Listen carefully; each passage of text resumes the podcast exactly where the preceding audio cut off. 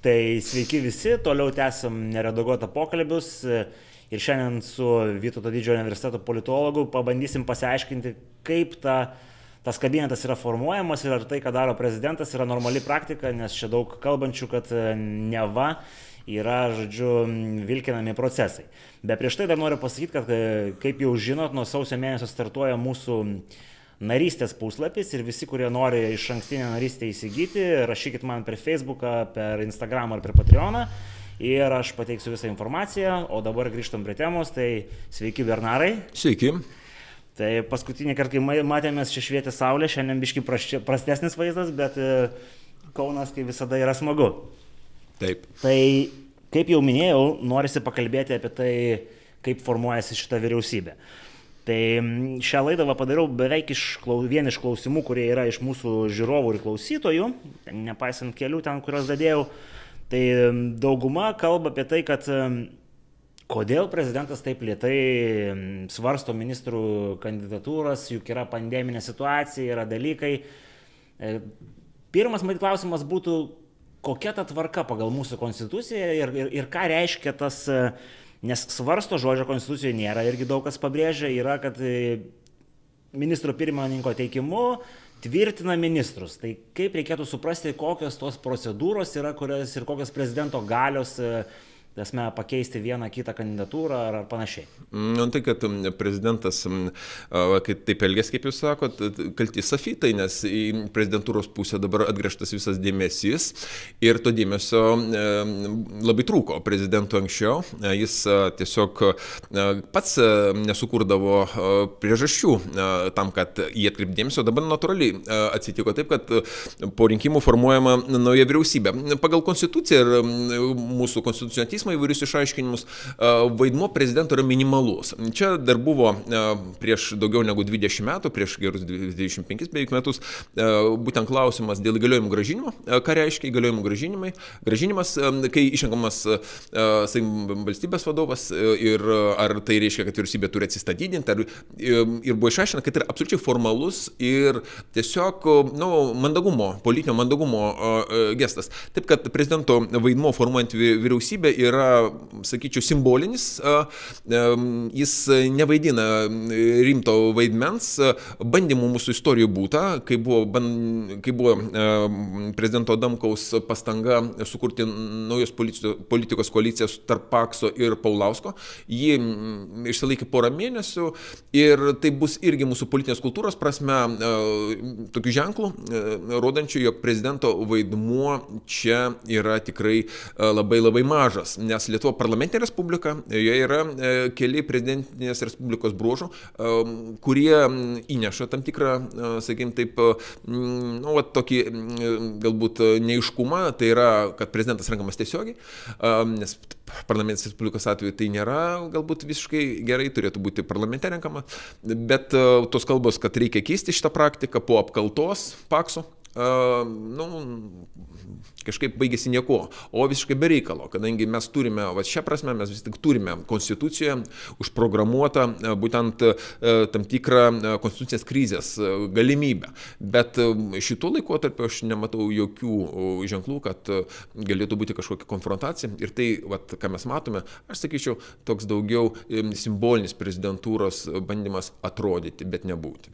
Nu, čia norisi pagrįžti šiek tiek tada į praeitį. Vat, vienas iš politikos apžvalgininkų, žinomas iš Lietuvos ryto, e, žodžiu, laikraščio ir portalo, kalbu apie poną Valatką, e, jisai pabrėžia, kad net Narkevič taip smarkiai ne, nevaikščiojo tam keliais per tos patarėjus, žodžiu, ir tai, ką dabar daro, neva yra, neva yra žodžiu, per daug.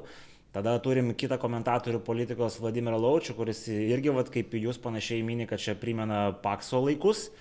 Bet aš tada norėčiau pagrįžti dar vienu tasme, žingsniu į 2012, kai turėjom dalę Grybauskaitę ir žinom, kad tada, kai laimėjo darbo partija apčiopiamą mandatų skaičių, visi darbo partijos ministrai buvo ten ir ne tik matyti, jie atestuojami anglų kalbos, jų žinios buvo atestuojamos, jie buvo, nu, kratomi kaip turi būti. Tai čia nėra kažkokia nauja praktika, mes per tą mūsų prezidento institucijos istoriją nepriklausomoje Lietuvoje nuo 90-ų turim tokios praktikos, kad e, ministrai buvo kratomi.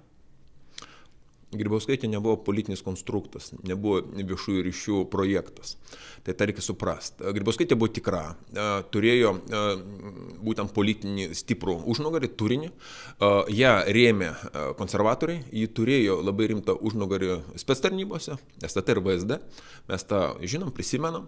Bet ją rėmė, ir, ją rėmė visi, jeigu prisimint, kaip atsirado politiniam laukia, tai ji buvo iškelta Algerdo Mykolo Brazausko. Taip, bet ji uh, išsižadėjo to ryšio labai aiškiai. Ji beveik pusę metų, būdama Europos komisarė, atvažiuodavo į Lietuvą ir tiesiog į miltus trynė e, tą politinę jėgą, e, e, kurį iškėlė. Ji sudegino visus tiltus. Ar jūs negalvojate, kad čia buvo viešųjų ryšių tas tai, judesys? Tai buvo lojalumo liūdimas. Ji tokiu būdu prisikinėjo ištikimybę mano konservatoriam ir tai politinė jėgai, kuri stojo už Amūrų.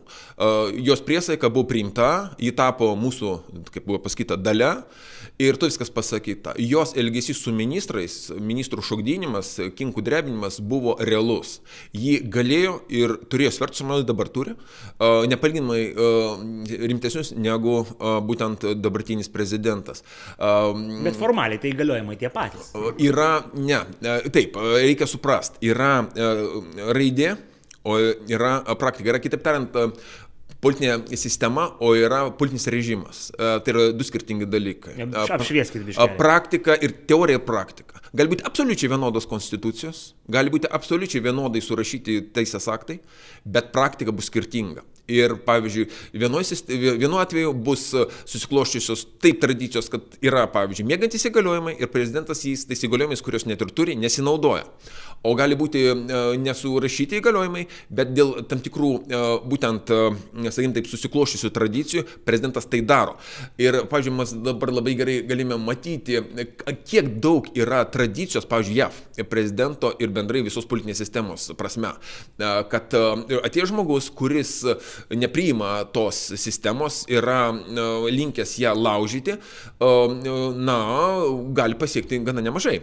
Ir tada reikia įjungti visus visus svertus, visus mechanizmus, tiesiog įsitempti e, e, tam, ką samsų teorijų šalininkai vadina deep state, kad situaciją perlaužti.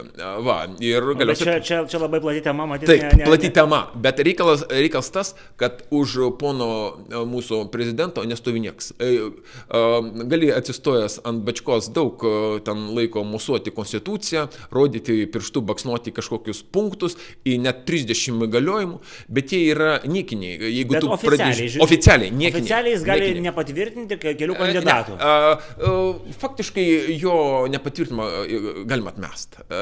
Galima su juo tiesiog, svarbiausia yra Seimo patvirtinimas. A, jis jis negali paleisti Seimo, jis negali, jis negali kištis į Seimo veiklą. Prezidentas... Bet ar nėra taip, kad jeigu jisai netvirtina kabineto kažkiek laiko ten ar kažkiek kartų, po to abipusiai mechanizmai įsijungia, kad jis gali paleisti Seimą, Seimas gali, negali paleisti Seimo. Su, sušaukti naujus rinkimus. Ne, negali. Negali paleisti Seimo.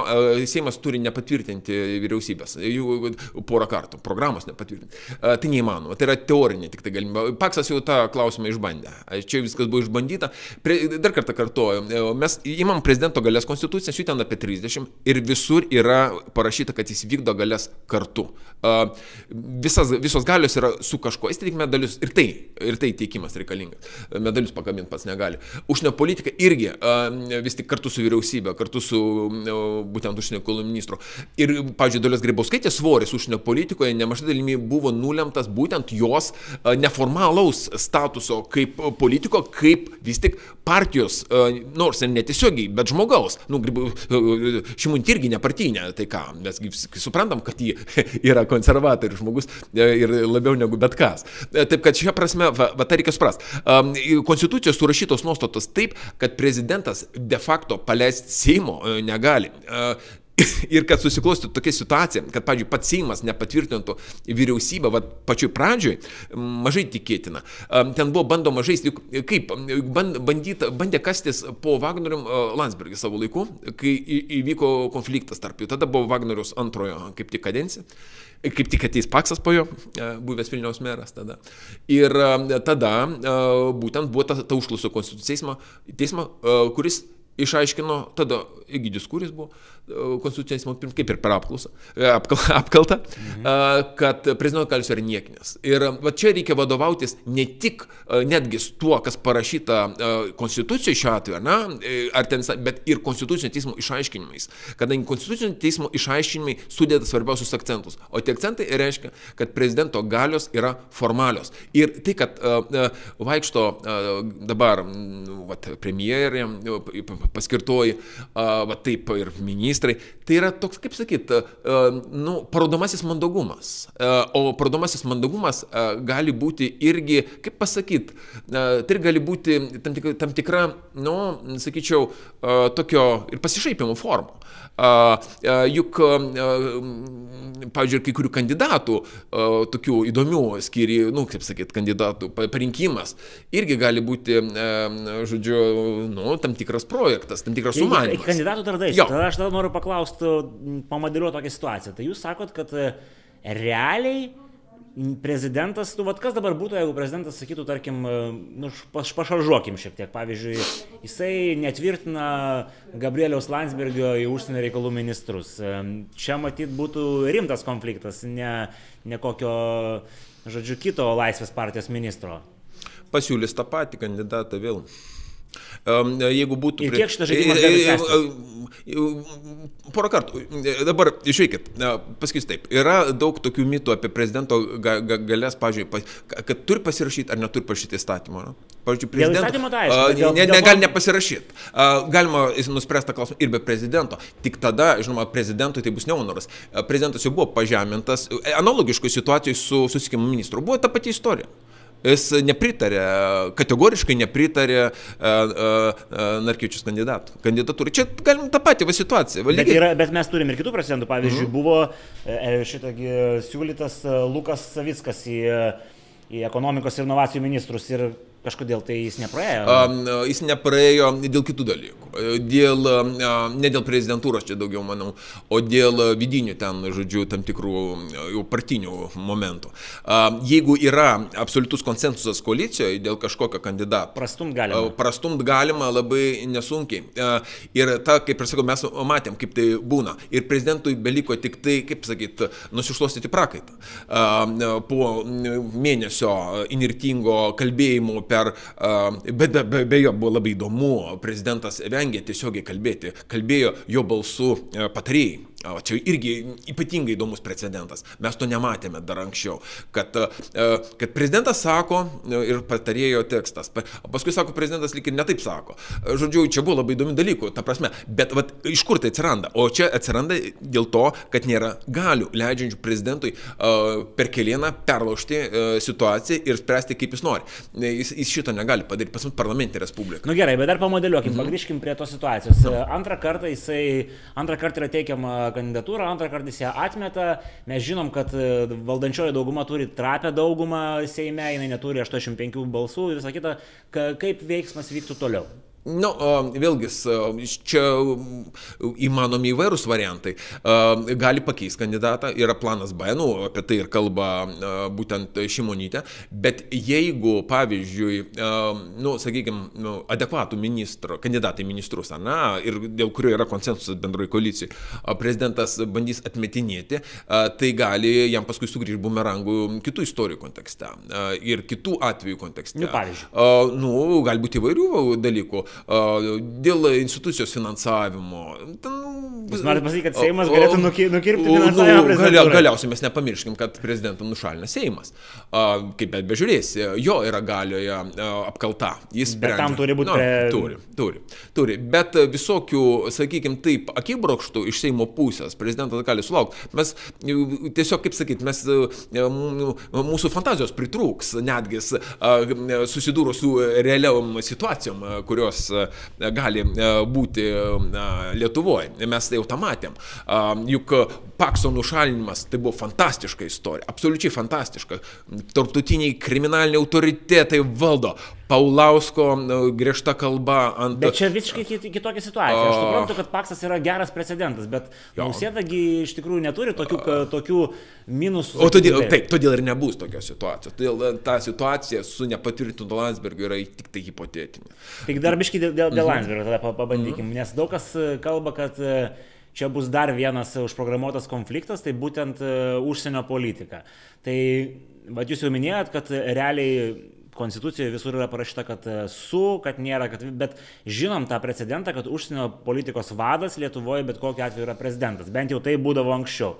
Tai tarkim, vat, imkim paprastą situaciją. Santykiai su Lenkija, e, Tevinės sąjungos mhm. linija maždaug yra pro Briuselio, prezidentas galbūt daugiau kitokią poziciją palaiko. Kaip va, tai galėtų vystytis, kaip jūs matytumėt? Nu, bus viena generalinė linija ir viena negeneralinė linija. Tai yra, bus ypatinga nuomonė bus ypatinga nuomonė. Vat, e, kaip būna Konstitucinio teismo sprendimo atveju, yra sprendimas, o yra e, kokio teisėjo nuomonė. Bet į vadovų tarybą tai važiuos a, prezidentas, ne vėlgis, ne vėlgis, vėlgis, žinot, reikalas yra tas, kad mūsų konstitucija prieš, va, kiek metų, 22 metais buvo, iš esmės, kaip vat, vienas konstitucinės komisijos narys man pasakojo, buvo iš esmės parengta per dvi savaitės su dviem Vokietijos konstitucinės teisės ekspertais. Faktiškai, nepaisant kai kurių niuansų, konstitucija, ypač va, prezidento galių prasme, ji labai artima Vokietijos konstitucijai, nors Vokietija yra federalinė valstybė ir ten skiriasi daugelis dalykų iš esmės. Vokietijoje mes žinom, prezidentas tik linkteli. Ir jo galios labai panašios į mūsų, tik tai, kad mūsų yra renkamas tiesiogiai. Bet čia daug kas sako, kad labai rimta yra. Rimta, rimta. E, bet e, Pakso apkalta parodė, e, kad esant reikalui galima tai nubraukti. Va, ir... Bet Pakso apkalta mes, matyt, turim prisiminti, buvo toks, nu, neordinarinis dalykas ir, ir ten... Jo, beprecedentinis. Jo. Bet precedentas paskui, paga, kaip sakyt, buvo pagautas ir po Pakso, kaip pirmo atveju pasaulyje, buvo paskui antras, trečias, Brazilijoje, Korejai, žodžiu, paskui, kai sakoma, prasidėjo.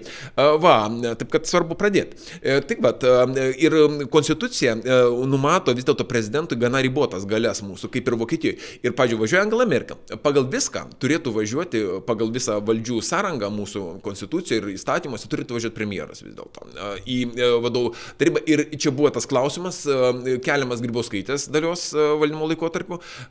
Ji išsireikalavo savo tokios teisės. Kaip... Tai jūs manot, kad šiuo metu gali būti grįžta, grįžtama prie šito persidėrėjimo? O kas pasakė, kad ne?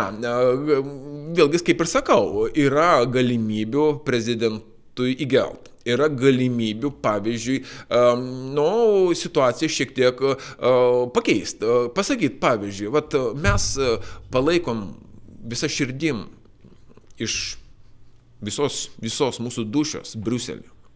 Lenkai baisų žmonės. Jie laužo bazinius konstitucionalizmo, ten aki komuniter principus. Bet jie, jie, bet jie nelaužo. Jie, jie, koks skirtumas, čia nesmė. Laužo, nelaužo. Čia politika. Politikoje tai nesvarbu. Politika teatras.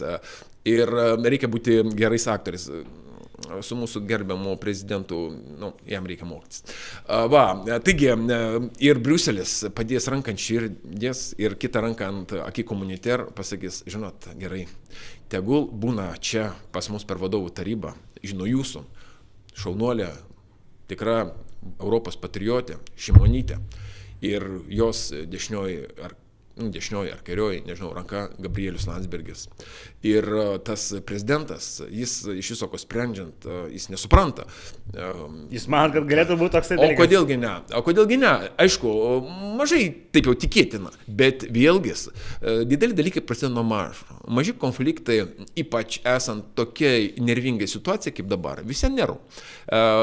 Koronavirusas, pandemija, didžiuliai pinigų srautai, didžiuliai, didžiuliai, didžiuliai didžiuliai vat, paramos e, paketai numatyti. Lenkai ten spiriojasi su vengrais, kerštauja, kerštauja, konkrečiai kerštauja.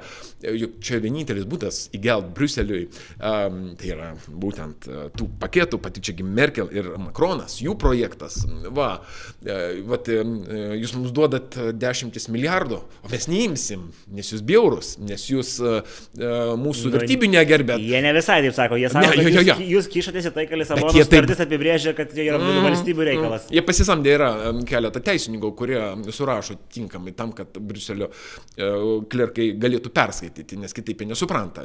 Čia reikia išversti jų kalbą, bet mes kalbam tą kalbą, kurią supranta žmonės. Briuselio biurokratų kalba ir žmonių kalba tai skirtinga kalba. Vat dėl to jie turi mokytis tapti biurokratais, turi atranką praeiti. Čia reikia save, sakant, perlaužti tie, kas praėjo atrankas trijų pakopų, tie žino tam, kad gauti ar startuoti nuo 5000 eurų kaip minimum algos Briuselį, taip, tai minimali alga bet kokiam klerkui, tai reikia padėti pastangų, visų pirma, perložiant save, performatuojant save, O čia reikia ir galvą mikrobanginį palaikyti, ir šiaip įlysti į verdantį katilą ir paskui išlysti ir žodžiu, transformuotis. Nu, beveik toks budistinis pasėdėjimas po akacijos medžiu, bet tik tai ne 57 dienų, ilgesnis, trunka keletą metų. Tai va, tie performatuoti Briuselio biurokratai, e, jie turi gauti atitinkamą mesudžą, kurį siunčia šiuo atveju Lenkai.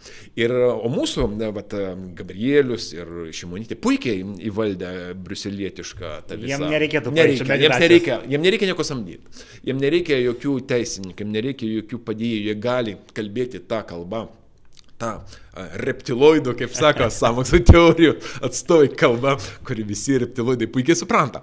Va, ta prasme, čia mūsų, mūsų e, prezidentas kažkaip nepasirenka. Man atrodo, va, jau praėjo kiek laiko, daugiau negu metai, jis e, prezidentūrai, akivaizdžiai e, jis tik buvo padėtos. Bet jis suaktyvėjo, reikia pripažinti. Suaktyvėjo, suaktyvėjo, nes įvyko transformacija. Kai vyksta permainos tam tikros, bet kas suaktyvėja, upė pakeičia vagą, net akmuo juda. Taip kad šią prasme nenuostabu, bet jis neapsisprendžia, su kuo jisai.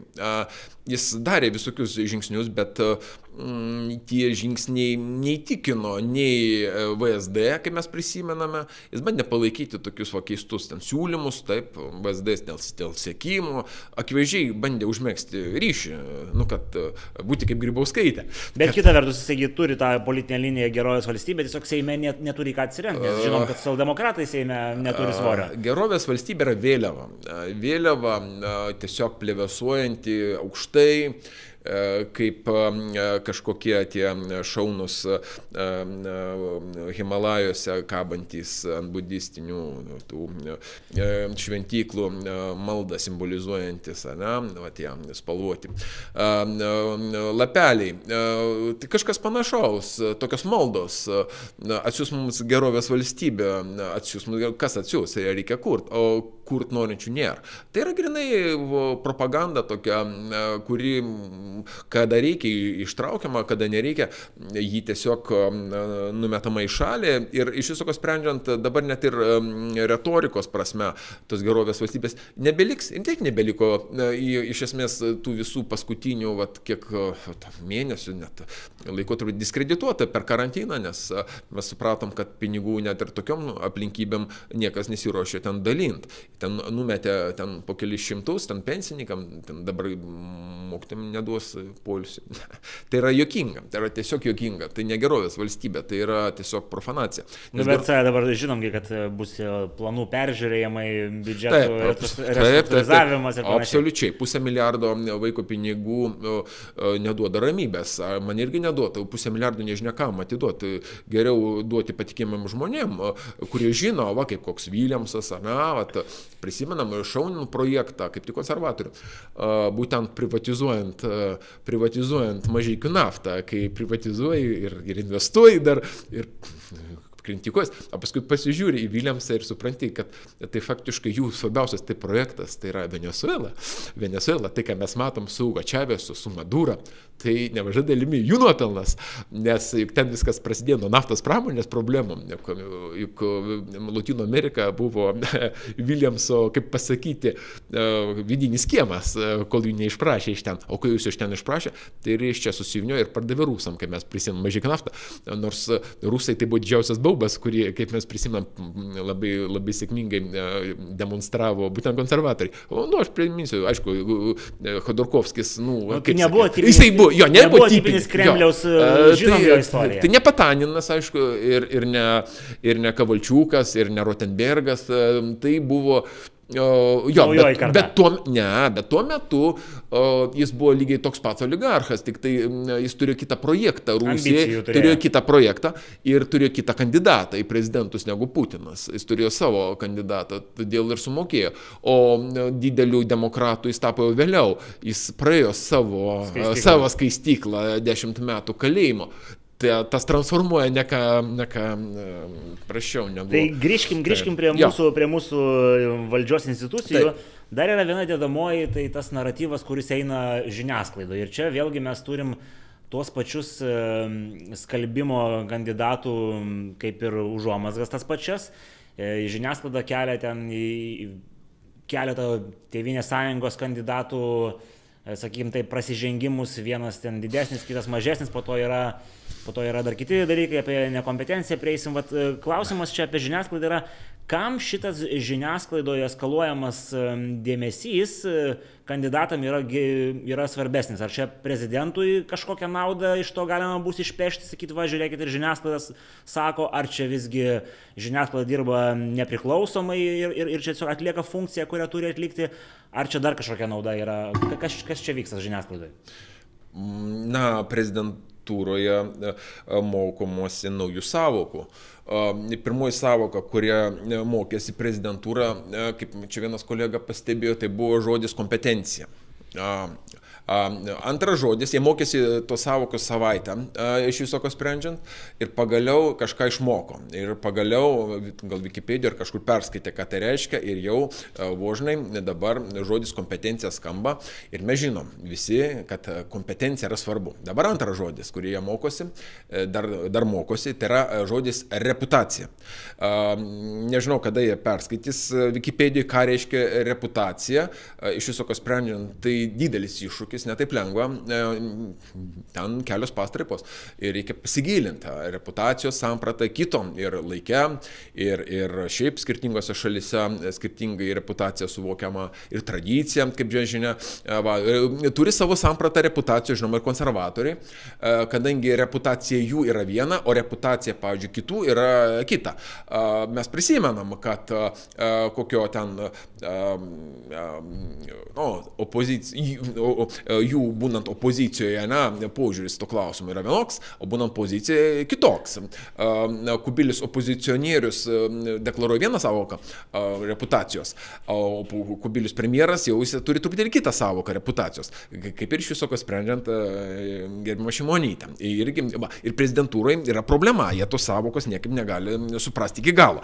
Ir kokį variantą pasirinkti, nes nuo to daug kas priklausys. Ta va, o žiniasklaida, nu, kadangi yra toks politinių e, visokių žinių badas truputėlį, e, tai ji bando tai virškinti, bando tai transliuoti, projektuoti ir savaip, e, nu, sakykim, taip iš tos situacijos turėti savo naudą. Mm, daugiau nieko. Va, kuo tai baigsis? Nu, manau, iš esmės baigsis tuo, kaip kad savo laiku baigėsi vieno filosofo šunį, nukirsė modegą ir ta šuo toliau lakstys po agorą, kaip ir lakstęs, o visi tik ir kalbės apie tai, kodėl vėlgi buvo tam šunį nukirsta odega, nematant uh, kitų dalykų. Nu, žodžiu, nieko. Bet šitą, šitą savoką apie naują politinę kultūrą, apie tos standartus, tai paleido ne žiniasklaida, ne prezidentas, tai buvo Gabrieliaus Landsbergio pareiškimas, kad mes ateisim su kita žinute, su, su kita kultūra ir dabar mes va turim tą, taip, taip, taip, taip. tą, tą visą reikalą. A, taip. Čia, čia yra, kaip pasakyti, nu, puikybė, tam tikrą prasme. Taip, mes esam tikri, geriausi, nuostabiausi, puikiausi, mes tie, kurie galime mesti akmenį. Va, taip, taip, čia yra tas konservatorių kompleksas, čia niekur nepabėgsi. Yra tas būtent įsitikinimas tuo, kad neklystama, tuo, kad jų kandidatai patys geriausi, kad jų atstovai be nuodėmės, o jeigu su nuodėmė, nu, tai jie pasimokė, atgailavo ten porą metų. Ne taip kaip kažkoks ten teising, kandidatas į teisingumo ministrus, kuris irgi atrodo vairau kažkada išgėręs. Ten. Tai buvo ten tų išgėrusių vairuotojų ir daugiau. Aha, Bet taip. čia paminėjom dar tą žodį, kur, kaip jūs sakote, mokosi jo reikšmės, tai yra kompetencija. Ir skaičiau vėlgi mm. vieno, žodžiu, bijau suklyst, matyt, politologas, bet, žodžiu, jo komentaras buvo, kad ar tikrai jau ta meritokratija toks blogas dalykas, nes Jisai maždaug komentuoja taip, kad e, ministrai, kurie ateis e, visiškai be jokios vadybinės patirties, e, jie bus suvalgyti vidinių, va to, ką mes čia anksčiau kalbėjom, to lietuviško deep state, kadangi jie realiai nu, nežino, kas su ko valgoma, o, o kancleriai, viceministrai, kurie yra iš anksčiau, jau nekalbant apie departamentų direktorius, jie perims į, į vadžias į savo rankas. Ar atėjus į ministrus yra laikas mokytis vadybinės patirties? Va čia galbūt esminis klausimas. Va, aš kaip institucinės teorijos šalininkas pasakysiu taip, jeigu yra sustiguotos ir gerai veikia institucijos, kaip valdžios įvairios institucijos, ministerijos, pati vyriausybė, teismai, nėra labai svarbu, kas ministras. Pavyzdžiui, taip Europos Sąjungai Absoliučiai bet kas gali būti e, komisaru. Absoliučiai jokių skirtumų. E, čia vat, būtent labai yra daug to, kaip sakydavo rusai, pakazuhos, tai yra to tokio demonstravimo. Va, matot, pas mus iš kiekvienos šalies po eurokomisarą. Tačiau pasižiūrime į tą instituciją giliau, ne, ne, sakant, per mikroskopą. Ir mes matom, ten dirba dešimtis tūkstančių klerkų, dešimtis tūkstančių biurokratų, dešimtis tūkstančių įvairių, e, žodžiu, tarnautojų, kurių dauguma yra prancūzai ir vokiečiai. Dauguma, absoliuti dauguma. Ten yra kvotos, tiesiog kvotos. Ir jokio skirtumo, kas yra tas eurokomisaras ar pas mus e, ministras, e, iš esmės, jeigu yra e, sukurtos ir tvirtai pastatytos institucijos, jos būtent jų tas giluminis vidutinis sluoksnis tvarko viską. Tai jūs sakot, kad nesvarbu, kas vis tiek dirbs, gali būti valdys. Gali būti arklys. Jokio skirtumo. Beje, yra precedentas Rusijai liberaldemokratų partija Žirinovskio pagaliau priimtas Katinas. Va, Katinas gavo pažymėjimą kaip, kaip visiškai teisėtas partijos narys ir matomai galės ten pretenduoti į deputato vietą. Manau, galim ir mes pradėti sekti tokiais panašiais pavyzdžiais, jau po komunistės šalis, praktikos panašios, mentalitetas artimas. Yra ir kitų precedentų, Kaligulos ar Klysenat. Visiškai, visiškai. Tai jūs sakot, kad kompetencija šią Absoliučiai prasme... ne, čia yra žaidimas, čia yra vaidinimas ir tiek. Yra, reikia suprasti, pas mus institucinė prasme, aišku, viskas ganėtinai, ganėtinai pašlyja ir niekada nesusiformavę tiek, kiek turėjo būti susiformavę per tiek atrodytų ar ne jau dešimtmečių. Todėl yra tam tikri surogatai. O surogatai tai yra, nu, pavyzdžiui, kažkokios neformalios grupės, kurios sprendžia realiai reikalus. Tai yra ne institucijų rėmus. Tai yra, va, pavyzdžiui, medžioklė, sauna Mm, kažkokie pasisėdėjimai. Jūs e, referuojate o, valstybininkus ir panašius. O, e. jo, tai tas veikia būtent taip. Partijų viduje yra tam tikros frakcijos, kurios susivienė esant reikalui. Mes tą labai gerai matėme, būtent kaip tai veikia per pakso apkaltą, kai visi tie staiga nusimetė kaukės ir tapo viena stipria jėga išvertusi iš koto paksą, kai atėjo tas, kuris visiems blogas. Ir ta, ta, tai buvo tam tikrą prasme atvirumo akimirka. Ir tam, kad ją dar geriau suprast, galima paskaityti va, Konstitucinio teismo verdiktą pakso atžvilgių, kur viena politika, kur teisės praktiškai neieškok ir konstitucinės teisės, o grinai yra toks e, politinis moralas. E, va, taigi e, viskas stoja į savo vietas. Dabargi iš viso ko sprendžiant, ieškomos figūros tam, kad, nu, sukurti tam tikrą dūmų uždangą, nu, kad būtų, va, fasadę ten. Nu, Gabrielius atvejs skirtingas, gal žmogus pakeliauti nori tiesiog, aš galvočiau. Bet va. jūs, tasme, tasme, iš esmės sakot, kad nesvarbu, ar ateina ministras su politiniu svoriu, ar be politinio svorio, vis tiek mechanizmas suksis taip pat. Jeigu būtų normali institucinė pas mus e, sąranga susiformavusi, ministras turėtų būti geras menedžeris, geras tai, vadybininkas. Čia ir buvo klausimas. Geras, jo, kai, geras kurie, kai kurie ministrai neturi uh, jokios vadybinės patirties. Kadangi pas mus nėra susiformavusi normali institucinė sąranga, Tai neturi prasmės. Tai kas valdo ministerijas? Ministerijas valdo, nu, dar nepamirškime. Patyrę klerkai. Dar mes turime ir dar vieną posistemę, kurią vadiname korupcija. Na, korupcinė arba sisteminė korupcinė ta posistemė dar, bet ji čia labai svarbu vaidmenį vaidina. Ne šiaip savo mūsų prezidentai iš aukštų tribūnų apie tai kalba.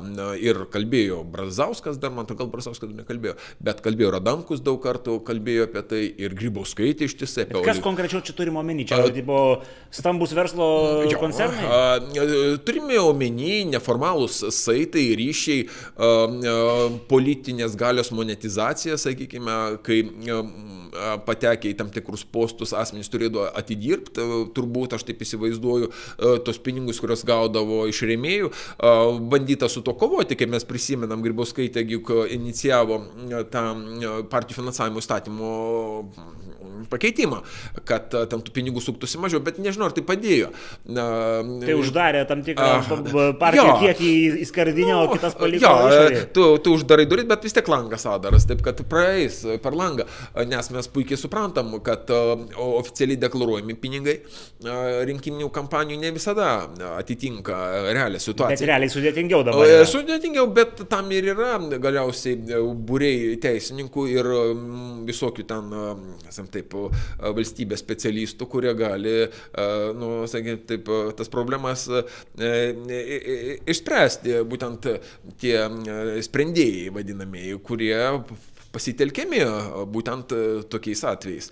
Ir jie ras būdų, randa būdų Izraelyje, randa būdų Prancūzijoje, randa būdų Amerikoje. Nu va, dabar Sarkozy vaikšto kryžiaus keliais, bandydamas išaiškinti, kad vis tik jis negavo pinigų iš teroristų.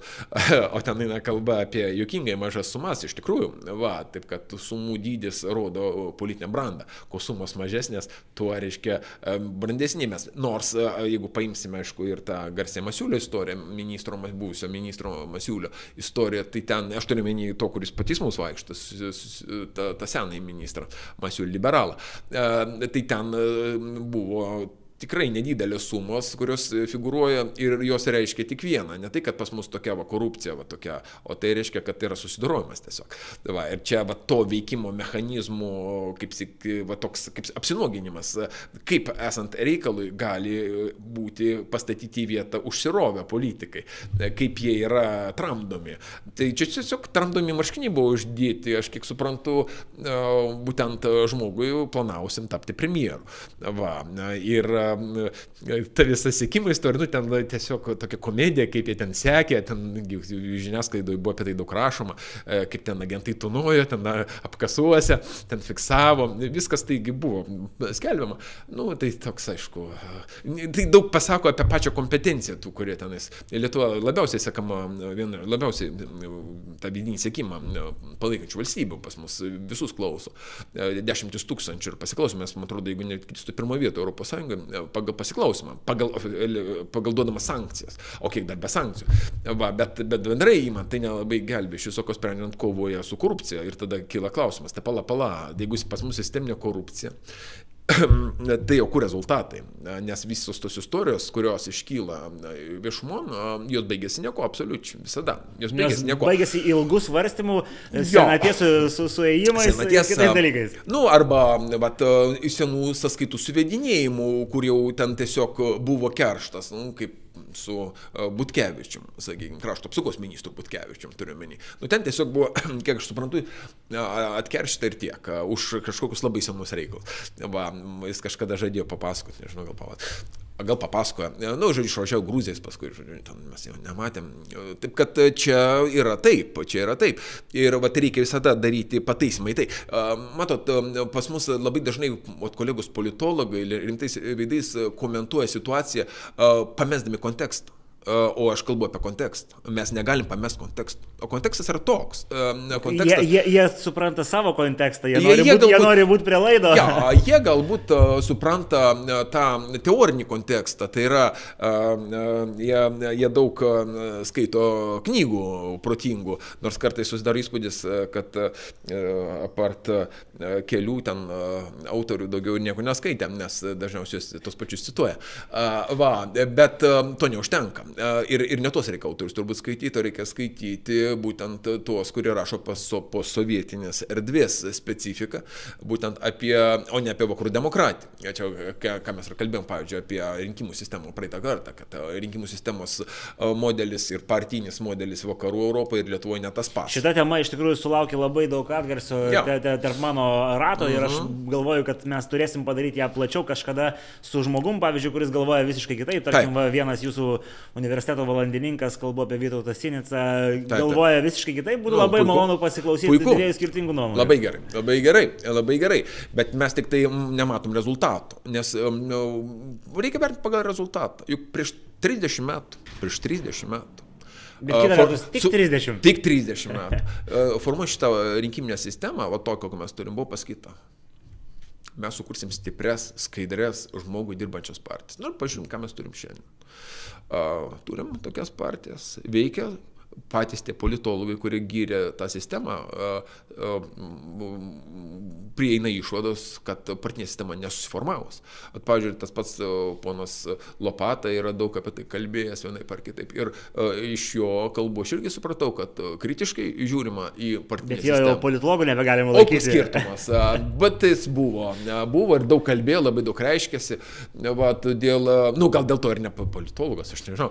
Gal tiesiog, nu, iš tikrųjų, bendrai tranzitologai labai save smarkiai, tranzitologai, ne, ne Lopata, tai yra atskira tokias rytis, perėjimo iš, iš komunizmo demokratiją, ne, jie save diskreditavo ir jų teorijos nepasteisino, kaip ir, kaip ir žodžiu, istorijos pabaigos idėja, kad istorija baigėsi, nesibaigė istorija, istorija tęsis, demokratija niekur nenugalėjo.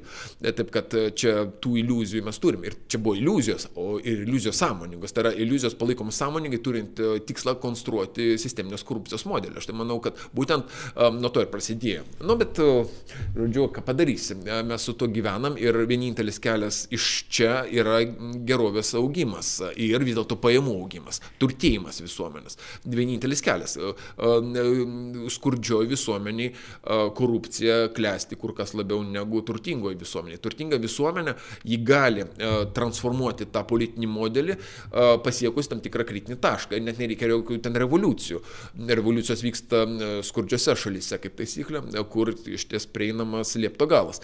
Jeigu mes einam vis dėlto ir netgi, nu, ir esant didelį turtinį neligybei, e, vis dėlto galima prieiti tam tikrų transformacijų, teigiamą linkme. Būtent ta auga poreikiai, auga poreikiai ir kaip teisingai sako, beje, Litvakas Maslau, toj savo poreikių hierarchijoje penkių aukštų piramidai. Reikia iš pradžių pavalgyti, o tik paskui pagalvoti apie saviraišką, apie reputaciją tą pačią, apie um, empatiją ir taip toliau. Ir jeigu didžioji dalis visuomenės užsima tik išgyvenimu, kaip ten sakoma, ultimate survival pas juos uh, non-stop, uh, tai žinoma, ta sisteminė korupcija ir vešia. Todėl diktatoriai visokie, perjaunai, degeneratai esantis politikoje, kaip Lukašenka, uh, jie visada išeidavo ant skurdo, ant um, būtent tų labai nuskriaustų žmonių. Nes taip lengviau sistema. Taip, taip sistemą lengviau valdyti. O jeigu visuomenė turtėja, jiems šansų vis mažiau ar mažiau. Mes tą matom. Revoliucija Baltarusija nemažai dalimi susijusi su tuo. Nes ten žmonių kokybė pasikeitė ir jų pajamų struktūra, viskas pasikeitė. Mažiau kaimo, daugiau miesto, paslaugų sektorius išaugo. O tai yra tos transformacijos, kurios e, būtent ateina keičiantis e, pajamų, pajamų struktūrai, nu, pajamoms pačioms e, visuomenės. Va, Lietuvoje tas vyksta. Lietuvoje keičiasi ir, aišku, Šimonytė 2008 ir Šimonytė 2020 čia yra dvi skirtingos Šimonytės. Ir aš turiu menį ne tą Šimonytę, kitą, kuri irgi Šimonytė, bet turi kitą pavardę. Ir kuri visai ne tą Šimonytę, kuri tą Šimonytę, kuri premjerė. Va, nu, tai, va, kabinete, tai viskas ja, gerai. Ja, ja, viskas labai gerai, aš manau. Tai žiūrėk, dar tada dar paklausiu to pačio mm -hmm. klausimo iš kito kampo. Tai vat, kalbant apie pajamas, išsimokslinimas, matyti, irgi yra tam tikras su pajamom susijęs dalykas. Tai vat, šitie naujosios politikos standartų, kaip sakoma, įgarsintojai, kokią žinutę jie su šito kabinetu siunčia žmonėm, kurie turi išsilavinimus, kurie turi kompetenciją, kai yra paimami žmonės, kurie yra, e, kaip čia vienas mūsų klausytas pavadino, ekspresyvūs bakalaurai. Ta prasme, mm. Kaip, kaip tai vertinti, tarkim, žmonėm, kurie turi patirtį, bet jie yra nereikalingi, o yra formuojama vat, kažkokia, sakykim, tai politinės linijos lojali kompanija? Nu, per paskutinius turbūt 15 metų uh, Milinianai, va, susiformavo tam tikras žmonių sluoksnis Lietuvoje, jaunų žmonių sluoksnis, kurie gyvena nu, tam tikram iliuzijų burbulė, aš sakyčiau. Burbulė, kuriame nu, viskas yra labai, labai skaidru, gražu, geri atlyginimai kelionės į Zinzibarą ir Maldyvus. Bet kiek čia procentų Lietuvos? Va, jo, kiek procentų. Nu, jie aktyvus iš viso ko sprendžiant ir politinė prasme taip pat. Ir jie būtent yra ta grupė, aš sakyčiau, labai naivi tą pačią prasme, nes jie neturi tos sovietinės patirties, jie nesugretina kai kurių dalykų, jie kaip tik ir pameta kontekstą. Kaip tik. Ir čia kaip panašiai tam fantastiniam filme, kur žmonės siunčiami, jauni žmonės 30 ar kiek ten sulaukia miriop, o jie galvoja, kad jie pateks į kažkokią ten super duper, ten nežinau, planetą ar, ar, ar, ar tostogausiai ten kažkur ten non-stop. Va, jie nemato konteksto, jie, jie yra, ta prasme, akly.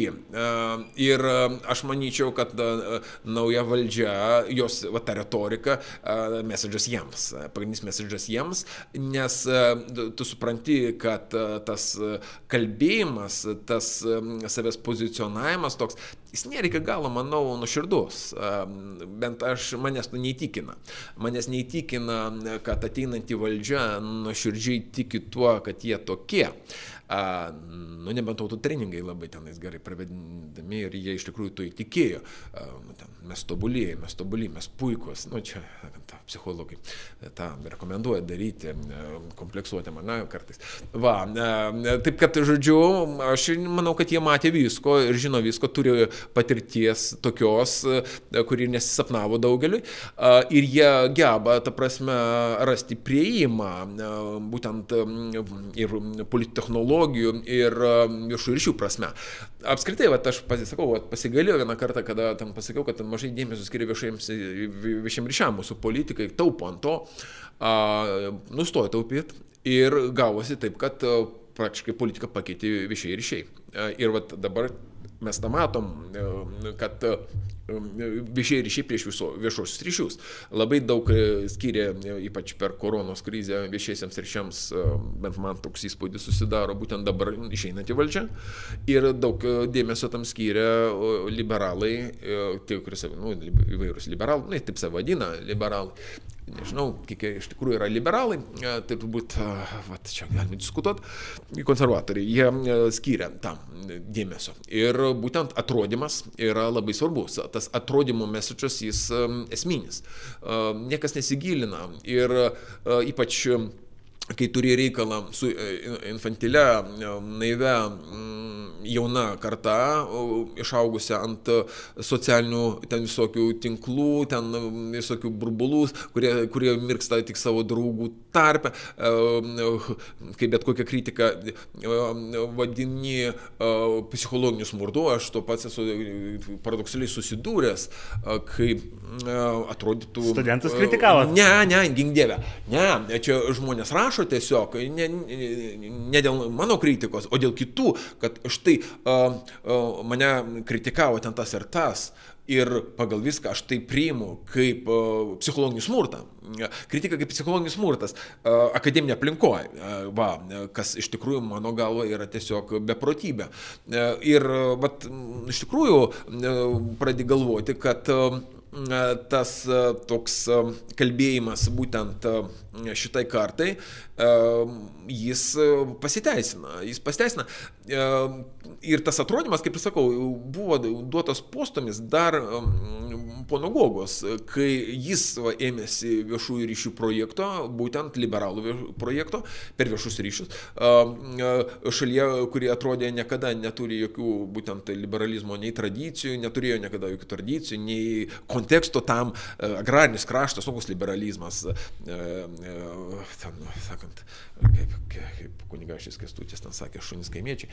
Va, kur tu tos liberalus šiaip. Ir staiga, ir staiga tu matai, ateina liberalai su, kiek tada, 12 tai procentų, Jėzus Marija. Nu, bet... bet čia vad norisi iškart paklausti, mm. matematika, žodžiu, kiek to elektorato vat, yra tokio, nes jūs sakot, kad į tai sutelktas dėmesys, tai vat, kiek jo yra, ar, ar ant jo galima išvažiuoti, prasme, ar to užtenka? Jo, jo pakankamai, jo pakankamai, pasirodo jo pakankamai. E, aš turiu omeny būtent tą dalį, e, kuri, e, kaip sakyt, paskutinis šapelis sulaužęs kupranugarį nugarą. Šapelis nedidelis atrodo, bet jis kritinis.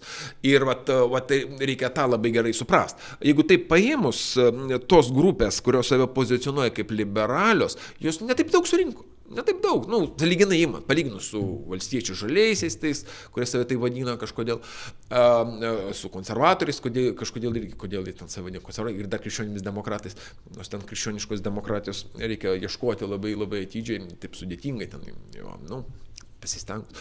Va, taip kad, žodžiu, reiškia, užtenka. Reikalingas kritinis, va tas paskutinis auksiniai balsai. Auksiniai balsai ir tame yra matematikos, aš manau, čia reikia labai gerai paruošti, tai kainuoja.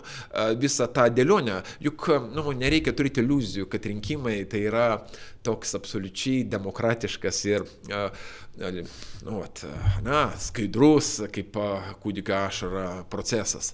Nieko panašaus, yra labai daug tyrimų, aš kaip istorikas galiu pasakyti apie Hitlerio atėjimą į valdžią savo laiku. Ir ten keliamas klausimas, ar jis atėjo demokratiškai ar netėjo demokratiškai, ar ne? Ir vis tik tyrinėtojų kritinė masė mano, kad ne. Bet kadangi manipulacija. Žiniasklaida buvo esmė, ar, o taip, ar, ar kiti dalykai? O taip, jį rėmė didžiuliai magnatai, vienas labai rimtas e, finansinis magnatas, kurio spaudoje visi komunistai priešai ir visi nacijai e, tiesiog e, tiesiog šventieji.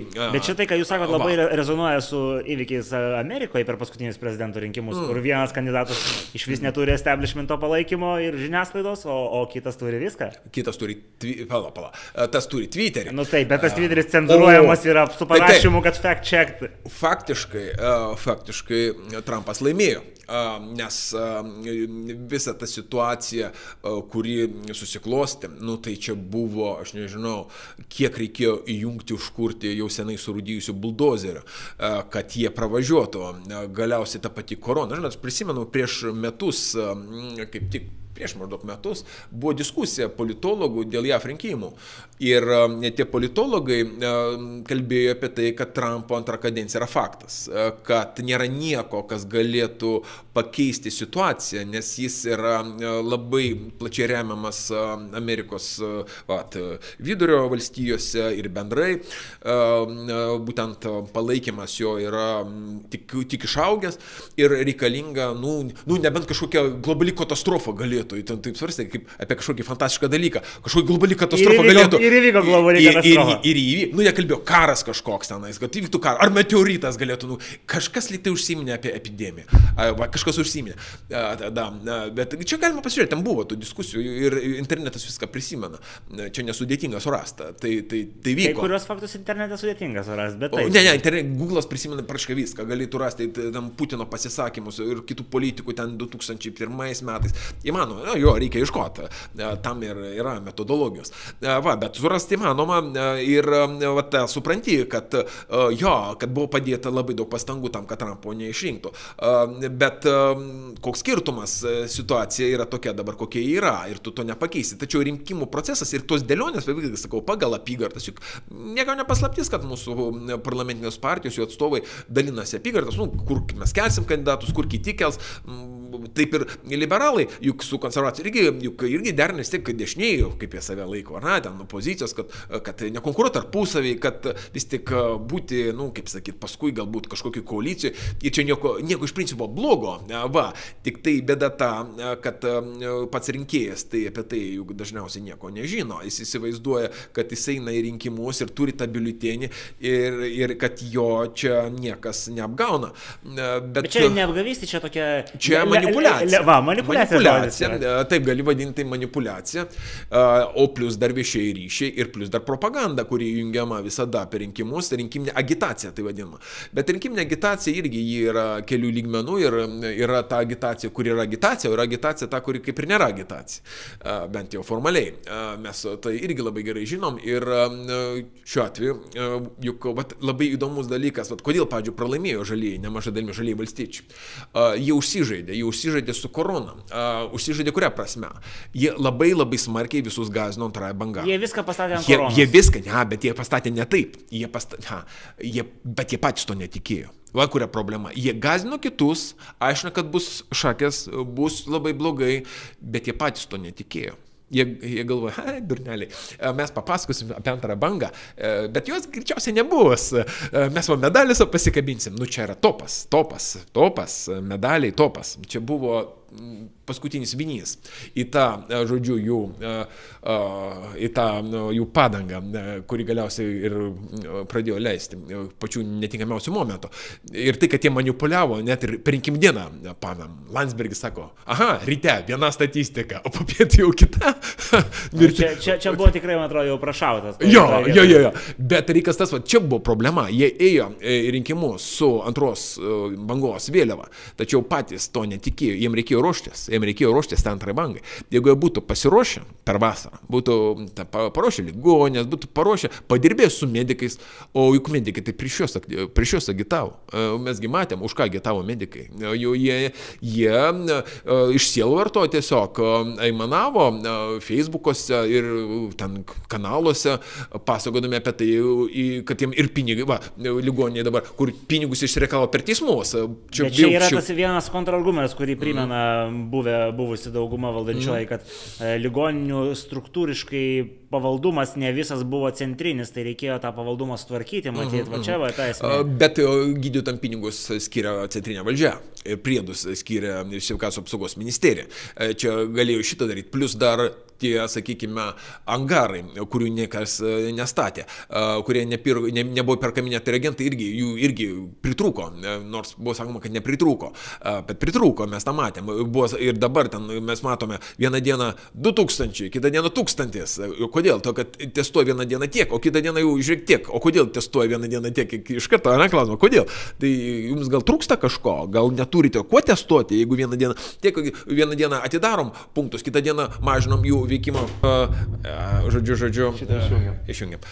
Žodžiu, kitą dieną, va taip. Ir tie visi, visi tie sprendimai iš tikrųjų, jie, nu, kėlė klausimų, bent kiek mąstantiems žmonėms ir tiems, kurie, vat, uh, kurie nuoširdžiai bijojo koronos, nuoširdžiai kritikavo tos visus antivakserius, tos visus koroną disidentus, kurie tenais, na, labai irgi reiškėsi, jie, aš manau, palaikė būtent naują valdžią.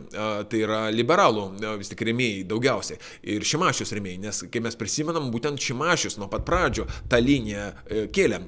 Pirmas karantiną įvedė, pirmas apie priemonės kalbėjo, pirmas kritikavo, čia tas pležas, tai čia tarp kitko, kadangi nebuvo apie ką šnekėti vasarą, nes koronos neliko, tada buvo pležas.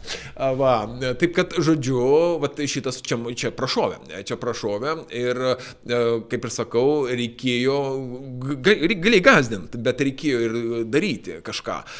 Reikėjo taip susidėlioti, kad per tą mėnesį prieš rinkimus jau rūdienį, kai prasidėjo visas tas košmaras, na, kad e, tu parodytum, jog esi pasiruošęs. Čia buvo lengva padaryti. Reikėjo kelių sprendimų iš esmės, reikėjo kelis angarus pastatyti, kur galima būtų bent jau parodyti. Nebuvo reikėjo iš karto. Ar čia naivumas, ar čia patirties nebuvo nebuvimas ar O, kas. Va, klausimas, kur pas mus didžiausi COVID disidentai sėdė? Kokioj ministerijai? Va, ir kokioj partijai? Va, ir, ir viskas. Tada, tada viskas stoja savo vietas. Nes e, vienas dalykas, kai tu viešųjų ryšių prasme esi e, vat, tas vat, a, koronos e, baimės kleidžiantis, ne? o visai kas kita, jeigu tu iš tikrųjų, ar tu, tu, tu netiki, ne? visai kas kita, kai tu nuoširdžiai e, tą, tą darai. Vat nuoširdumo pritrūko. Ir, vat, Arba turi nesugebėjimą. A, va, nu, nu, va, čia galbūt irgi, nes e, mes turim reikalą su dviem nenuširdumais, aš sakyčiau. Vat rinkiminė kampanija e, buvo e, dviejų nenuširdumų rinkiminė kampanija. Kas nenuširdesnis labiau ir žaliai pasirodė labiau nenuširdus. Vat, vat, ir, ir dėl to ir pralaimėjo, nes konservatorių ir, ir liberalų nuširdumo aš irgi labai smarkiai abejoju. Politikoje tiek metų tu negali būti angelu ir tiesiog su nimbu ten ir su sparneliais. Ar, A, taip kad šią prasme viskas aišku, bet a, jie, jie tiesiog tapo mūsų dabartinė išeinanti valdžia. A, Jie tapo lengvų grobių to prasme. Ten, mes matėm, kad konservatoriai ir liberalai, jie ėmėsi labai paprastos strategijos iš esmės. A, Nieko neveikimo strategijos. Jie suprato, kad tas, tas monstras pats save, valdžios monstras pats save suės. Kaip tas garsusis herojus iš senos senos komedijos pica, kuri pati save suvalgė. Tai va, ta pica, kuri pati save suvalgė, galiausiai tas mafijos bosas pica, va, galiausiai pats save suvalgė. Ir liko tiesiog galiausiai susirinkti derlių. Jie susirinko derlių tiesiog atlikę tam tikrus namų darbus, pasidalinę apygardas, pasidalinę, kur, kas, kas kandidatus ir dar plus darbo partija kas irgi yra fantastiškas, sakyčiau, dalykas. Praktiškai koalicija dar turi darbo partiją, nors ji ne, ne koalicija. Čia toks sidekick, sakyčiau, toks Batmanas, Batmanas ir, ir, ir Robinas. Va, taip, Batmanas ir Robinas. Va, šimonytė Batmanas, o mėgstagi su superherojais, ten tokie memai keliauja, pop-up girls, ten iš kartų netvark labai tinka. Na ir šalia dar toks uh, Batmanas, o gal ten nu, iš tų kartūnų herojų ten buvo Rabamento guminių žmogus, gal net labiau tiktų, nes jis tamposi visas pusės ir prie visko prisiklyjuoja. O, taip kad šio prasme, jo, būtų tikslesnis turbūt um, to darbo vat- partijos naujo herojaus. Pa- ne? Paminėjot lengvą grobį, tai galbūt tada užbaigimui e, paklauskim dar tokį dalyką. E, Tarp partinė koalicijos kova, toks dalykas matyti irgi vyksta, ne tik tai su oponentais. Klausimas, vat, kiek pliusų įgyja Tėvinė sąjunga, turėdama tos e, žalius e, partnerių ministrus ir kiek praranda per tą foną, kuris susiformuojama žiniasklaidoje, kaip nekompetencija, kaip e, kiti dalykai. Nu, čia reikia viešųjų ryšių kontekste minimalizuoti galimą žalą. Aš manau, būtent kai kurie kandidatai, bent jau Dobrovolska, galbūt kaip ir sakau, tokių žaibolaidžių tapo, gal ir nepatvirtins, čia, gal jie patys e, planą turi. Bet buvo- ten dar yra ir be jos, dar ir be jos, ir be labiau- Bet jo, yra keletą, yra, yra, yra keletą. Kasparas Adomaitis iš vis nekalba, jinai bent kalba, kažką bando savo poziciją apginti. aha, aha. Bet tai nesmė. Kaip ir sakau, tai yra situacija, kurioje e, faktiškai e, e, pagrindinių smūkų griežia vis dėlto patyrę. patyrę. Ir tai, kad ateina, nu, vat, su, su, su vaikais mėgsta turėti reikalą, bendrai konservatoriai, jiems lengviau, jiems lengviau. Aišku, tie vaikai užauga, va, kaip Masiulis užaugo, nu tada reikia jam parodyti jų vietą, kur drebin kinkas reikia, na, va, kurioje vietoje tenais, va, tai, tai va ir drebina dabar jau kilinti metai. Va, tai čia taip, vaikai užauga. Nu, užaugs, pasidarys neklusnus, irgi drebins kinkas ten pat, kur Masiulis drebina. Taip kad čia, bet gal jau išmoko irgi pamoką, juk vis tik, jau kaip sakant, už, už vieną muštą du nemuštus duoda. Taip kad čia tos tarp koalicinės kažkokios, mm, aš nematyčiau problemos. Jie, manau, išspręs per, per ministerijų tos klerkus, per viceministrus, per sekretorius, per sekretoriatą, kur aš manau administracinis resursas konservatorių bus tvirtas kaip vokiečių ir prancūzų ES institucijose, toj pačioj, toj pačioj Europos komisijoje. Jie ten savo žmonės seniai sustatė. Nu, kaip pasakyti, ten kalbėjau su kai kuriais ten e, ministerijų ten žmonėmis, kurie ten dirba, žinokit, ir po 20 daugiau metų. Aš ten neminėsiu ten e, konkrečiai pavardžių, bet, bet yra ten tokių ir nemažai. Ir kurie, pavyzdžiui, atsisakė netgi ministrų postų, jiems ten buvo siūloma, negalvokim, kad čia kaip, o, man šiandien pasiūlė ministro postą. Aš dar ten nežinau, kad man pasiūlė žemės ūkio mūsų kandidatė, ne? Va Jėzus Marija, nežinau. Nu klausykit, klausykit, mes žinom, kaip tai veikia. E, siūlo iš tikrųjų ir e, tik po to, kai sutinka, e, tada kažkas viešinama, nes daug kas nesutinka. Kaip sakau, va, tie klerkai, kurie dirba dešimtmečiai, sako, argumentas svarbu, mes, mes, norim, mes norim čia dirbti ilgiau. Toliau, mum, koks mums skirtumas, kad mūsų alga nu, bus gal 500 eurų didesnė. Dėmesio mažiau. Ir dėmesio, ir, ir, ir mes tos galeros ten irkluojam ramiai, testinų testinumą užtikrinam, viską žinom, pas mus viskas visur jau, nu, kaip sakyt, sudėta į tinkamas vietas, nieko nereikia kaitalioti. Va, ir, ir ramiai ateis ministras, va, na, mes dar, kaip ten, carą žirnį prisimenam, ne, va, va, taip, kad dar nuo Spaskiko čia dirbam, va, taip, kad ramiai, va, ir, kaip sakyti, tie, kas jiems palankesni, kas galbūt didesnius priedus pažada, tam jie ir bus lojalūs, netgi jeigu, pavyzdžiui, ministerijoje visai kitas ministras ateina, ar ne? Juk jie gali palaukti. Ir dėl to, va, aišku, konservatoriam dvi kadencijos opozicijoje tiumačiui. Todėl jie, aš manau, labai stengiasi vis tik tą nesėkmių uh, virtinę nutraukti, kad vis tik ateiti valdžią. Nes jau gali tada tikrai prasidėti entropija. Entropija ir eižėjimas jau va tam administraciniam lygmenį. Nes, nu, nu klausykit, nu kodėl mes su jumis turime turėti reikalą? Na, na, o jūs, jūs, jau, neteinat, jūs vis neteinat ir neteinat. Mes čia paskutinius, suprantat, marškinius aukojam, uh, sabotuojam važiuojam ten kažkur, kažkur, kažkur va, jums stengiamės padėti, kažką nutekinam, o jūs e, ten, nu, bet čia taip, hipotetiškai žiūrint, e, juk, juk visokie dalykai manomi, ar ne, juk mes girdėjome pačių įdomiausių istorijų ir apie tos pačius ministrus, apie kažkokius susitikimus, staiga išlenda kažkokie slapti dalykai, ar ne, pavyzdžiui, e, nebuvo, nebuvo ir staiga oba, medžioklė su lankais, ar ne, ir ten buvo paslėpta kažkur ten punkte, toli, toli, giliai, giliai, niekas, kaip ten sakė, jog šuo nesulojo. Ir staiga, oba, visi apie tai rašo. Ir jau laksto tas, tas indienas. Vargšas, kuris pasirašė. Pasi, pasirašė ir norėjo jau eiti į mišką su, su arbaletu ir lanku, pamedžioti, ten nežinau ko, ten lapes turbūt kokias aš ar vilkus. Va, ir staiga jam tokią pramogą sugadino. Va, nes, nu, va, kažkam, kažkam tiesiog tuo metu turbūt reikėjo tą istoriją iškelti ir iškėlė, va, kad nebūtų per gerai. E, čia kaip pavyzdys, yra ir rimtesnių pavyzdžių, manau, ten su įvairiais mokesčių pakeitimais, su įvairiais tenais priedais e, ir taip toliau, taip toliau, kai kažkas taiga ima ir išeina į viešumą. Juk mūsų rinkėjas, jis nėra kompetitingas. Pavyzdžiui, lyginant Lietuvos rinkėjai ir, pavyzdžiui, Šveicarijos rinkėjai, tai yra du labai skirtingi rinkėjai. Vienas rinkėjas plaukia pasroviui, į nieką nesigilina, dar plus infantilus ganėtinai, o kitas, jis socializuotas, jis kritiškai mąstantis, jis dešimtie organizacijų, o tai labai svarbu, mūsų visuomenė atomizuota iki šiol. Jie nėra niekaip asocijuota.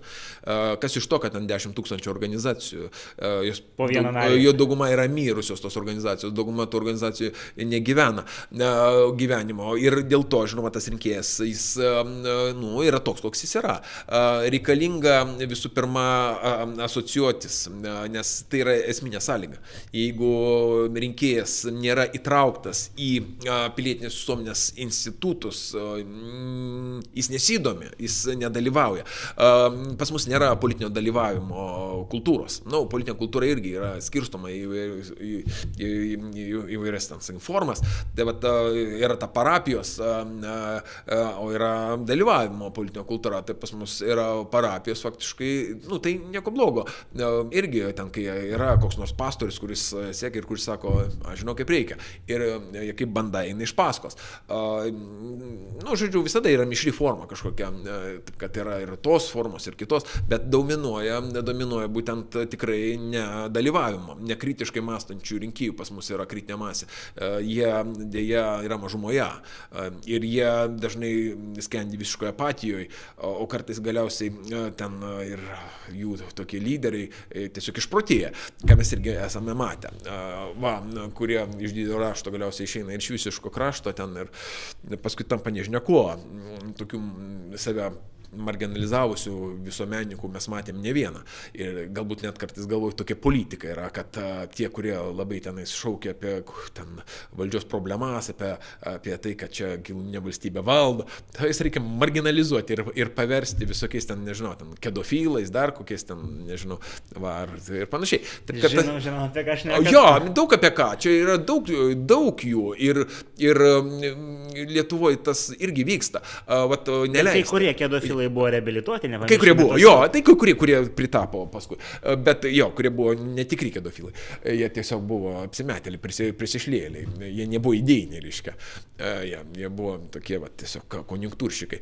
O bendrai įmant, tai mes tą tendenciją irgi matom, kad kokia bebūtų politinė jėga valdžioje, ji stengiasi mm, minimalizuoti pilietinės visuomenės stiprėjimo grėsmę. Ir pavyzdžiui, temos, kurios... Tai valdžia gaunasi kaip koksai priešas. Ta, tai taip yra, bet tai yra normalu. Valdžia ir visuomenė yra priešai. Valstybė ir visuomenė yra priešai. Ir kur bebūtų, tai yra priešai. Priešininkai. Nu, jisai priešininkai. Ir būtent esmė yra balansas, ekvilibriumas tarp visuomenės, institucionalizuotos visuomenės ir valdžios. Vienas kitą turi atsvert. Visuomenės pareiga šventa pareiga kontroliuoti valdžią, laikyti už gerklės. Jeigu visuomenė laiko valdžios už gerklės, valdžia laiko visuomenę už gerklės. Čia yra aksioma, tu nieko čia nepakeisi. Ir nereikia taip, kad ten šimtų procentų visi būtų asocijuoti, visi būtų aktyvūs, vaikščiotų ten po mitingus, vaikščiotų po susitikimus. Užtenka kritinės masės, nu, apie 30 procentų, kai kas sako dar mažiau. Va, ir, ir tas yra pakankamas kiekis, būtent tam, kad užtikrinti daugiau ar mažiau skaidrų valstybės funkcionavimą. Nes visų visuomenės pareiga yra užtikrinti skaidrumą, o valstybės vis dėlto, aišku, išsuktuodė. Nu, paprastas pavyzdys Prancūzija. Va dabar Prancūzijoje vyko demonstracijos. Tai irgi iliustracija to, kaip suveikia tas mechanizmas.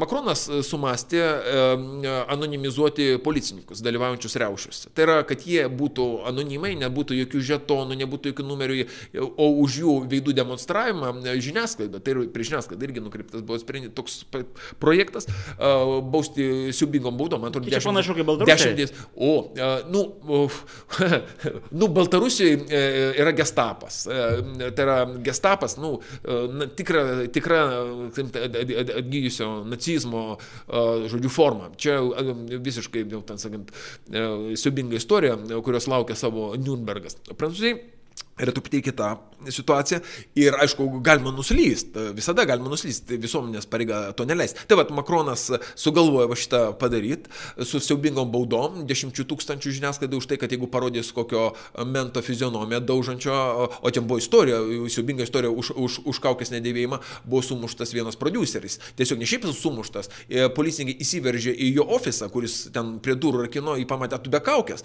jį, jį taip sudaužė, kad jis vos liko gyvas. Ir paskui, aišku, buvo išviešina, kas ten tokie ir kaip. Ir čia dar plus tas e, projektas. Ir išėjo dešimtis tūkstančių, šimtai tūkstančių žmonių gatves, maždaug šimtui policininkų sumalė marmūzės ir valdžia atsiprašė. Valdžia atsiprašė, oi, net, kaip sakė Degolis, aš jūs supratau. Prancūzai, aš jūs supratau. Makronas irgi, atsiprašau, prancūzai, taip, Viskas aišku, e, antrą kartą mums aiškiai nereikia, mes šitą projektą atšaukėme ir atšaukė. E, o tai veikia. E, taip kad, žodžiu, ar mes paimsime tą pačią Prancūziją Vokietiją ar kitą demokratinę šalį, valdžia visada bando savo totalumo ribas. Ji bando kišti ranką savo plaukuotą ten, kur anksčiau tos rankos nekišo.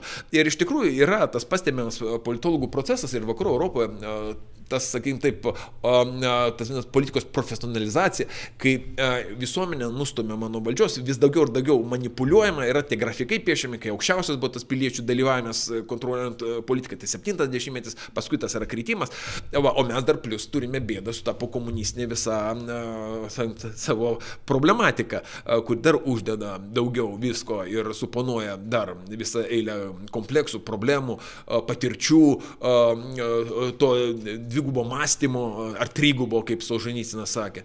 Tas viskas yra, ta, ta, tas gulago mentalitetas, tu niekur nuo jo nepabėgsi. Ir gali devaguotis kiek nori mūsų ten tie liberalai, konservatoriai, kad jie netokie, kad jie šventieji, kad pas juos to visiškai nėra, kad jie tą vergą iš savęs polašo, kaip kitas klasikas sakė, ištaudė pagaliau.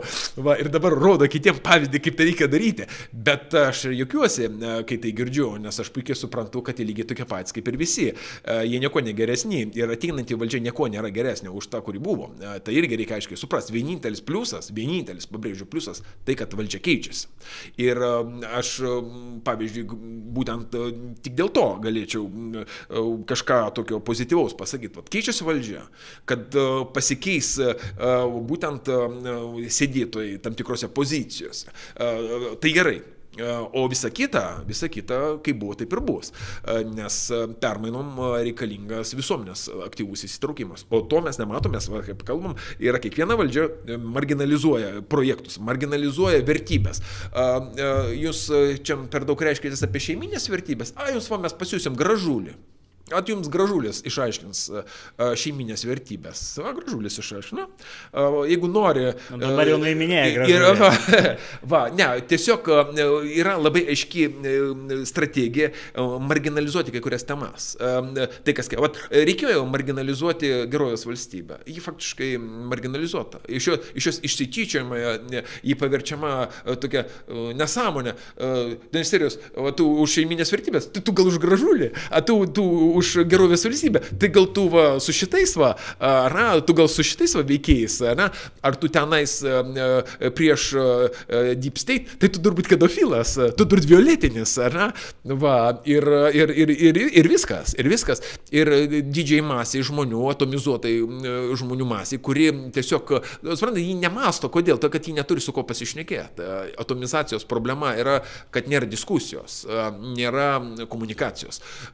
Žmogus skendi savyje ir savo paranojose ir jis negali išsišnekėti su kitais, jis negali išdiskutuoti.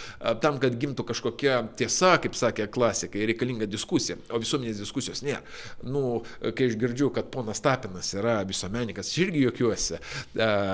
Va, ir šia prasme man nesvarbu, kad šalia manęs juokiasi dar ir Furmanavičius. Ar ne, aš su, su Furmanavičiu Facebook'e draugai, bet mūsų pažiūros daugeliu klausimų kardinaliai skiriasi. Bet, pavyzdžiui, kaip mes matom Tapiną, kaip visuomenininką, ne? aš, pavyzdžiui, prieš ir man Tomaševskis nepatinka irgi, aš manau, jisai tikrai, jis ne mano herojus. Va. Bet negalima visko simplifikuoti. Jo, jo, ir, ir, ir seniai reikėjo kokią akciją padaryti. ir kreatyvas, ar ne? Valdemorto sveikia. Kreatyvas. Bet daugelį kitų atvejų aš suprantu, kad vis tik, nu, tai ne ta visuomeninė veikla, kuri gali atnešti rezultatą. Visuomeninė veikla truputėlį kitaip atrodo ir kitaip tas veikia, negu kad, vat, nu va, aš sakyčiau, veikiau tai, nu, sakant, veda ne, ne į tą pusę. Nu, bet ką darysi? Galbūt reikia tiesiog mums nueiti tikrai ilgą ir sunku kelią. Greičiau mes, aš tikiuosi, veiksim negu kokią Angliją, nes paskaitant skaitant Dickensą supranti, kad jie nuėjo ilgą kelią, ten, ten šimtmečių kelią. Nu, va, mes turim per dešimtmečius tą kelią įveikti, mokytis greičiau. Nu, ir tikėsime, kad viskas vis tik nebus taip jau um, liūdnai ir ilgai ir nereiks mums vėl grįžti į tą, į tą mišką, į kurį grįžo, grįžta Rusija, um, kur ją veda tenykštis veikimas veikėjas, mes, manau, išvengsim tos lemties. O jie dar vaikščios po dykumą, manau, dar labai ilgai. Nu, tai tada pačiai pabaigai klausimas, mm. kadangi jau pradėjom nuo valančios daugumos e, ir žinom, jo. kad jinai yra trapi, tai jūs kaip politologas, kiek laiko duodat e, šitam pirmam ministrų kabinetui, ar jisai ištvers, gal jis visą kadenciją ištvers ir po to Ar nebus taip, kad e, valdančiai daugumai aptrupėjus po kelių metų reiks prisijungti kažką iš kitų draugų? Na, no, draugų yra, e, jeigu reikės ir darbo partija pagelbės, bet e, viskas priklausys nuo to, kaip su ta korona seksis tvarkytis. Čia, aišku, būtent, būtent, būtent labai svarbus bus Dulkio vaidmuo. Dulkys geras specialistas, būtent managemento prasme ir jeigu jis susitvarkys su tų iššūkiu, tame etape, nu, pirmų metų, aš skaičiu, met, e, koronos visa ta istorija dar tęsis, manau, porą metų, todėl ir net vakcinavimą, va, va kaip vakcinacijos visas tas reikalas vyks, kaip e, daug kas priklausys nuo e, būtent šito ir švietimo. Ir švietimo, va, inovacijos ten, nu, kaip daug pinigų bus, iš viso ko sprendžiant, pinigų bus daug pinigų visiems užteks. Tik tai... Uh, visiems. Tik tai, tik tai, va, visiems, jo, tik ar pavyks uh, pasidalinti, nes dažniausiai valdžia pas mus pradeda birėti tada, kai nepavyksta susitarti dėl pinigų. Nu, bet jeigu dominuos konservatoriai uh, ir jie turės ten pakankamai tvirtas pozicijas visose ministerijose ir, ir Seime, uh, tai, uh, manau, stabilumas šią prasme jis uh, bus. Uh, kaip ir sakau, vat, gali kilti problemų dėl logistikos, ten, nu, tos vakcinacijos, paskui toliau kas, ar, ar pavyks išvengti absurdiškų, idiotiškų sprendimų, ar jie pasimokys iš nueinančios valdžios, nes ta mūsų nueinanti valdžia e, labai smarkiai dar bejo prisidirbo su tais visais paveiktų valstybių sąrašais, nes mūsų liaudis vis tik nepaisant nieko mėgsta ir Turkiją nuvažiuoti, mėgsta ir Egiptą nuvažiuoti ir važiuoja ne turtuoliai tenai, o paprasti žmonės. Tas atima balsų labai smarkiai, manau. Nes tas uždarimas ir tas toks tampimas žmonių su to savizoliacija. Bet uždaryta buvo visa Europa. Va, nu, ne visai, ne visai. Į Turkijas, į, į Ispanijas vokiečius vežė tiesiog ten dešimtimis tūkstančių, aš paskui vežė ir atgal, ar ten Britus. Bet, bet ten bent jau, matot, dar yra vienas momentas pasitikėjimas valstybė, gerokai didesnis pasitikėjimas valstybė. Ir tas, jeigu ir priimamas kažkoks sprendimas, tai žmonės tai kitaip turbūt ir priima. Tai va, pas mus e, buvo tas labai toks susiersinimas didelis dėl to ir vat, e, ar pavyks vat, grinai išvengti grinai idiotiškų sprendimų, kurie vat, būtent aitrina vat, tą tokį vat, dar didesnį nepasitikėjimą valstybę. Ne, neprisidirbk, tiesiog neprisidirbk lygioje vietoje. Čia buvo prisidirbta lygioje vietoje. Tiesiog, tiesiog, na, nu, nežinau, toks įspūdis, kad gal ten kieno nors babutė palangoje, ten turi kokią vilą. Ir dėl to tas buvo daroma, kad ten visi nuvažiuotų pas tą babutę ir nu, palangos sėdė. Jo, šaržuojam žinoma, bet uh, paaiškinti racionaliai buvo sudėtinga ta visa politika, nes buvo aišku, kad vasaro koronos nebus, nes tiesiog ne sezonas, ne koronos sezonas, ne tokių lygų sezonas. Ir ar tu ten uždarinėsi ar neuždarinėsi, sergumus bus panašus. Uh, čia buvo visiems aišku, apie tai net ir medikai kalbėjo, ir tie, kurie tikrai adekvatus, uh, sakė, kad čia visiškai beprasmi dalykas. Italijos pavyzdys galiausiai, italai ten, va, kur teko lankytis ir matyti visą tą situaciją, supranti, kad ten jokių problemų, jie tvarkėsi geriau negu čia. Va, o čia visokios nesąmonės buvo daromas. Tai va, jeigu valdžiai pavyks išvengti tokių dar dalykų, tai aš manau, jiems tai pliusą. Bet, bet ar pavyks, nes kaip rodo iki šioliai buvusi praktika, sunkiai pavykdavo.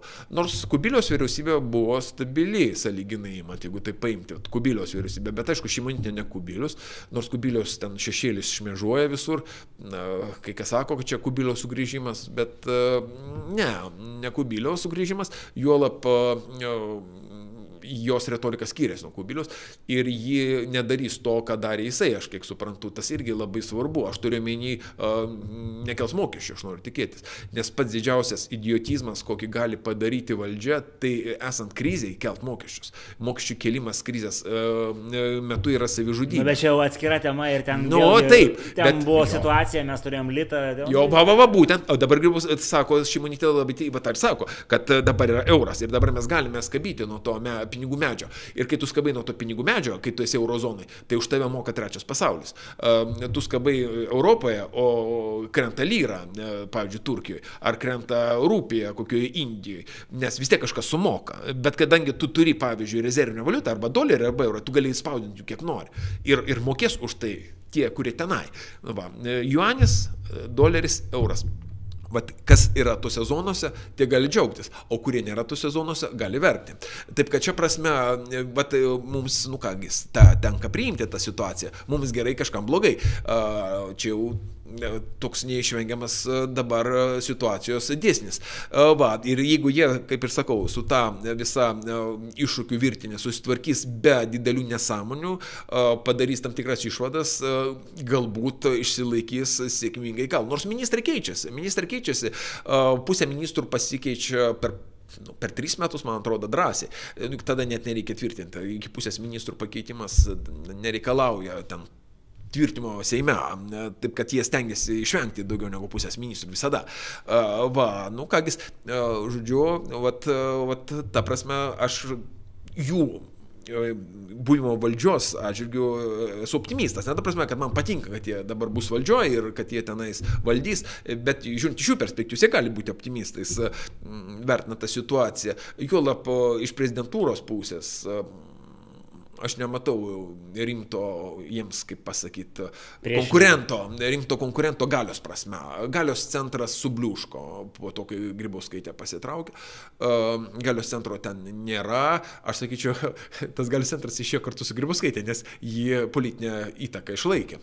Va, ir nors jį taip labai, kaip sakyti, nu, nesireiškia, bet kiek aš suprantu, jos vaidmo šioks toks vis tik Yra, yra ir, ir išlieka. Va, nu, žiūrėsim. Va, bet aišku, dėl to ir liūdna truputėlį, kad prezidentūra va, tokį dabar turi elgesio modelį, pasirinko tokį elgesio modelį, nes pradžiai tikėjusi, kad bus kitaip, kad išmoks per metus. Bet dar kol kas mokusi tik antrą žodį. Kad dar, dar, dar manau, reiks palaukti. Tai ką, Bernarai, tai didelis dėkui, dėkui iš tokią išsame išvalgų e, kombinacija. Taip, labai subjektyvė, kaip visada. Viskas taip ir taip. turi būti, gyvenimas yra subjektivus. taip. Tai dėkui visiems, kurie žiūrit, e, nepamirškit, kad mes turim narystės, mes turim Patreoną, mes turim YouTube, Facebooką ir ką, iki kitų kartų.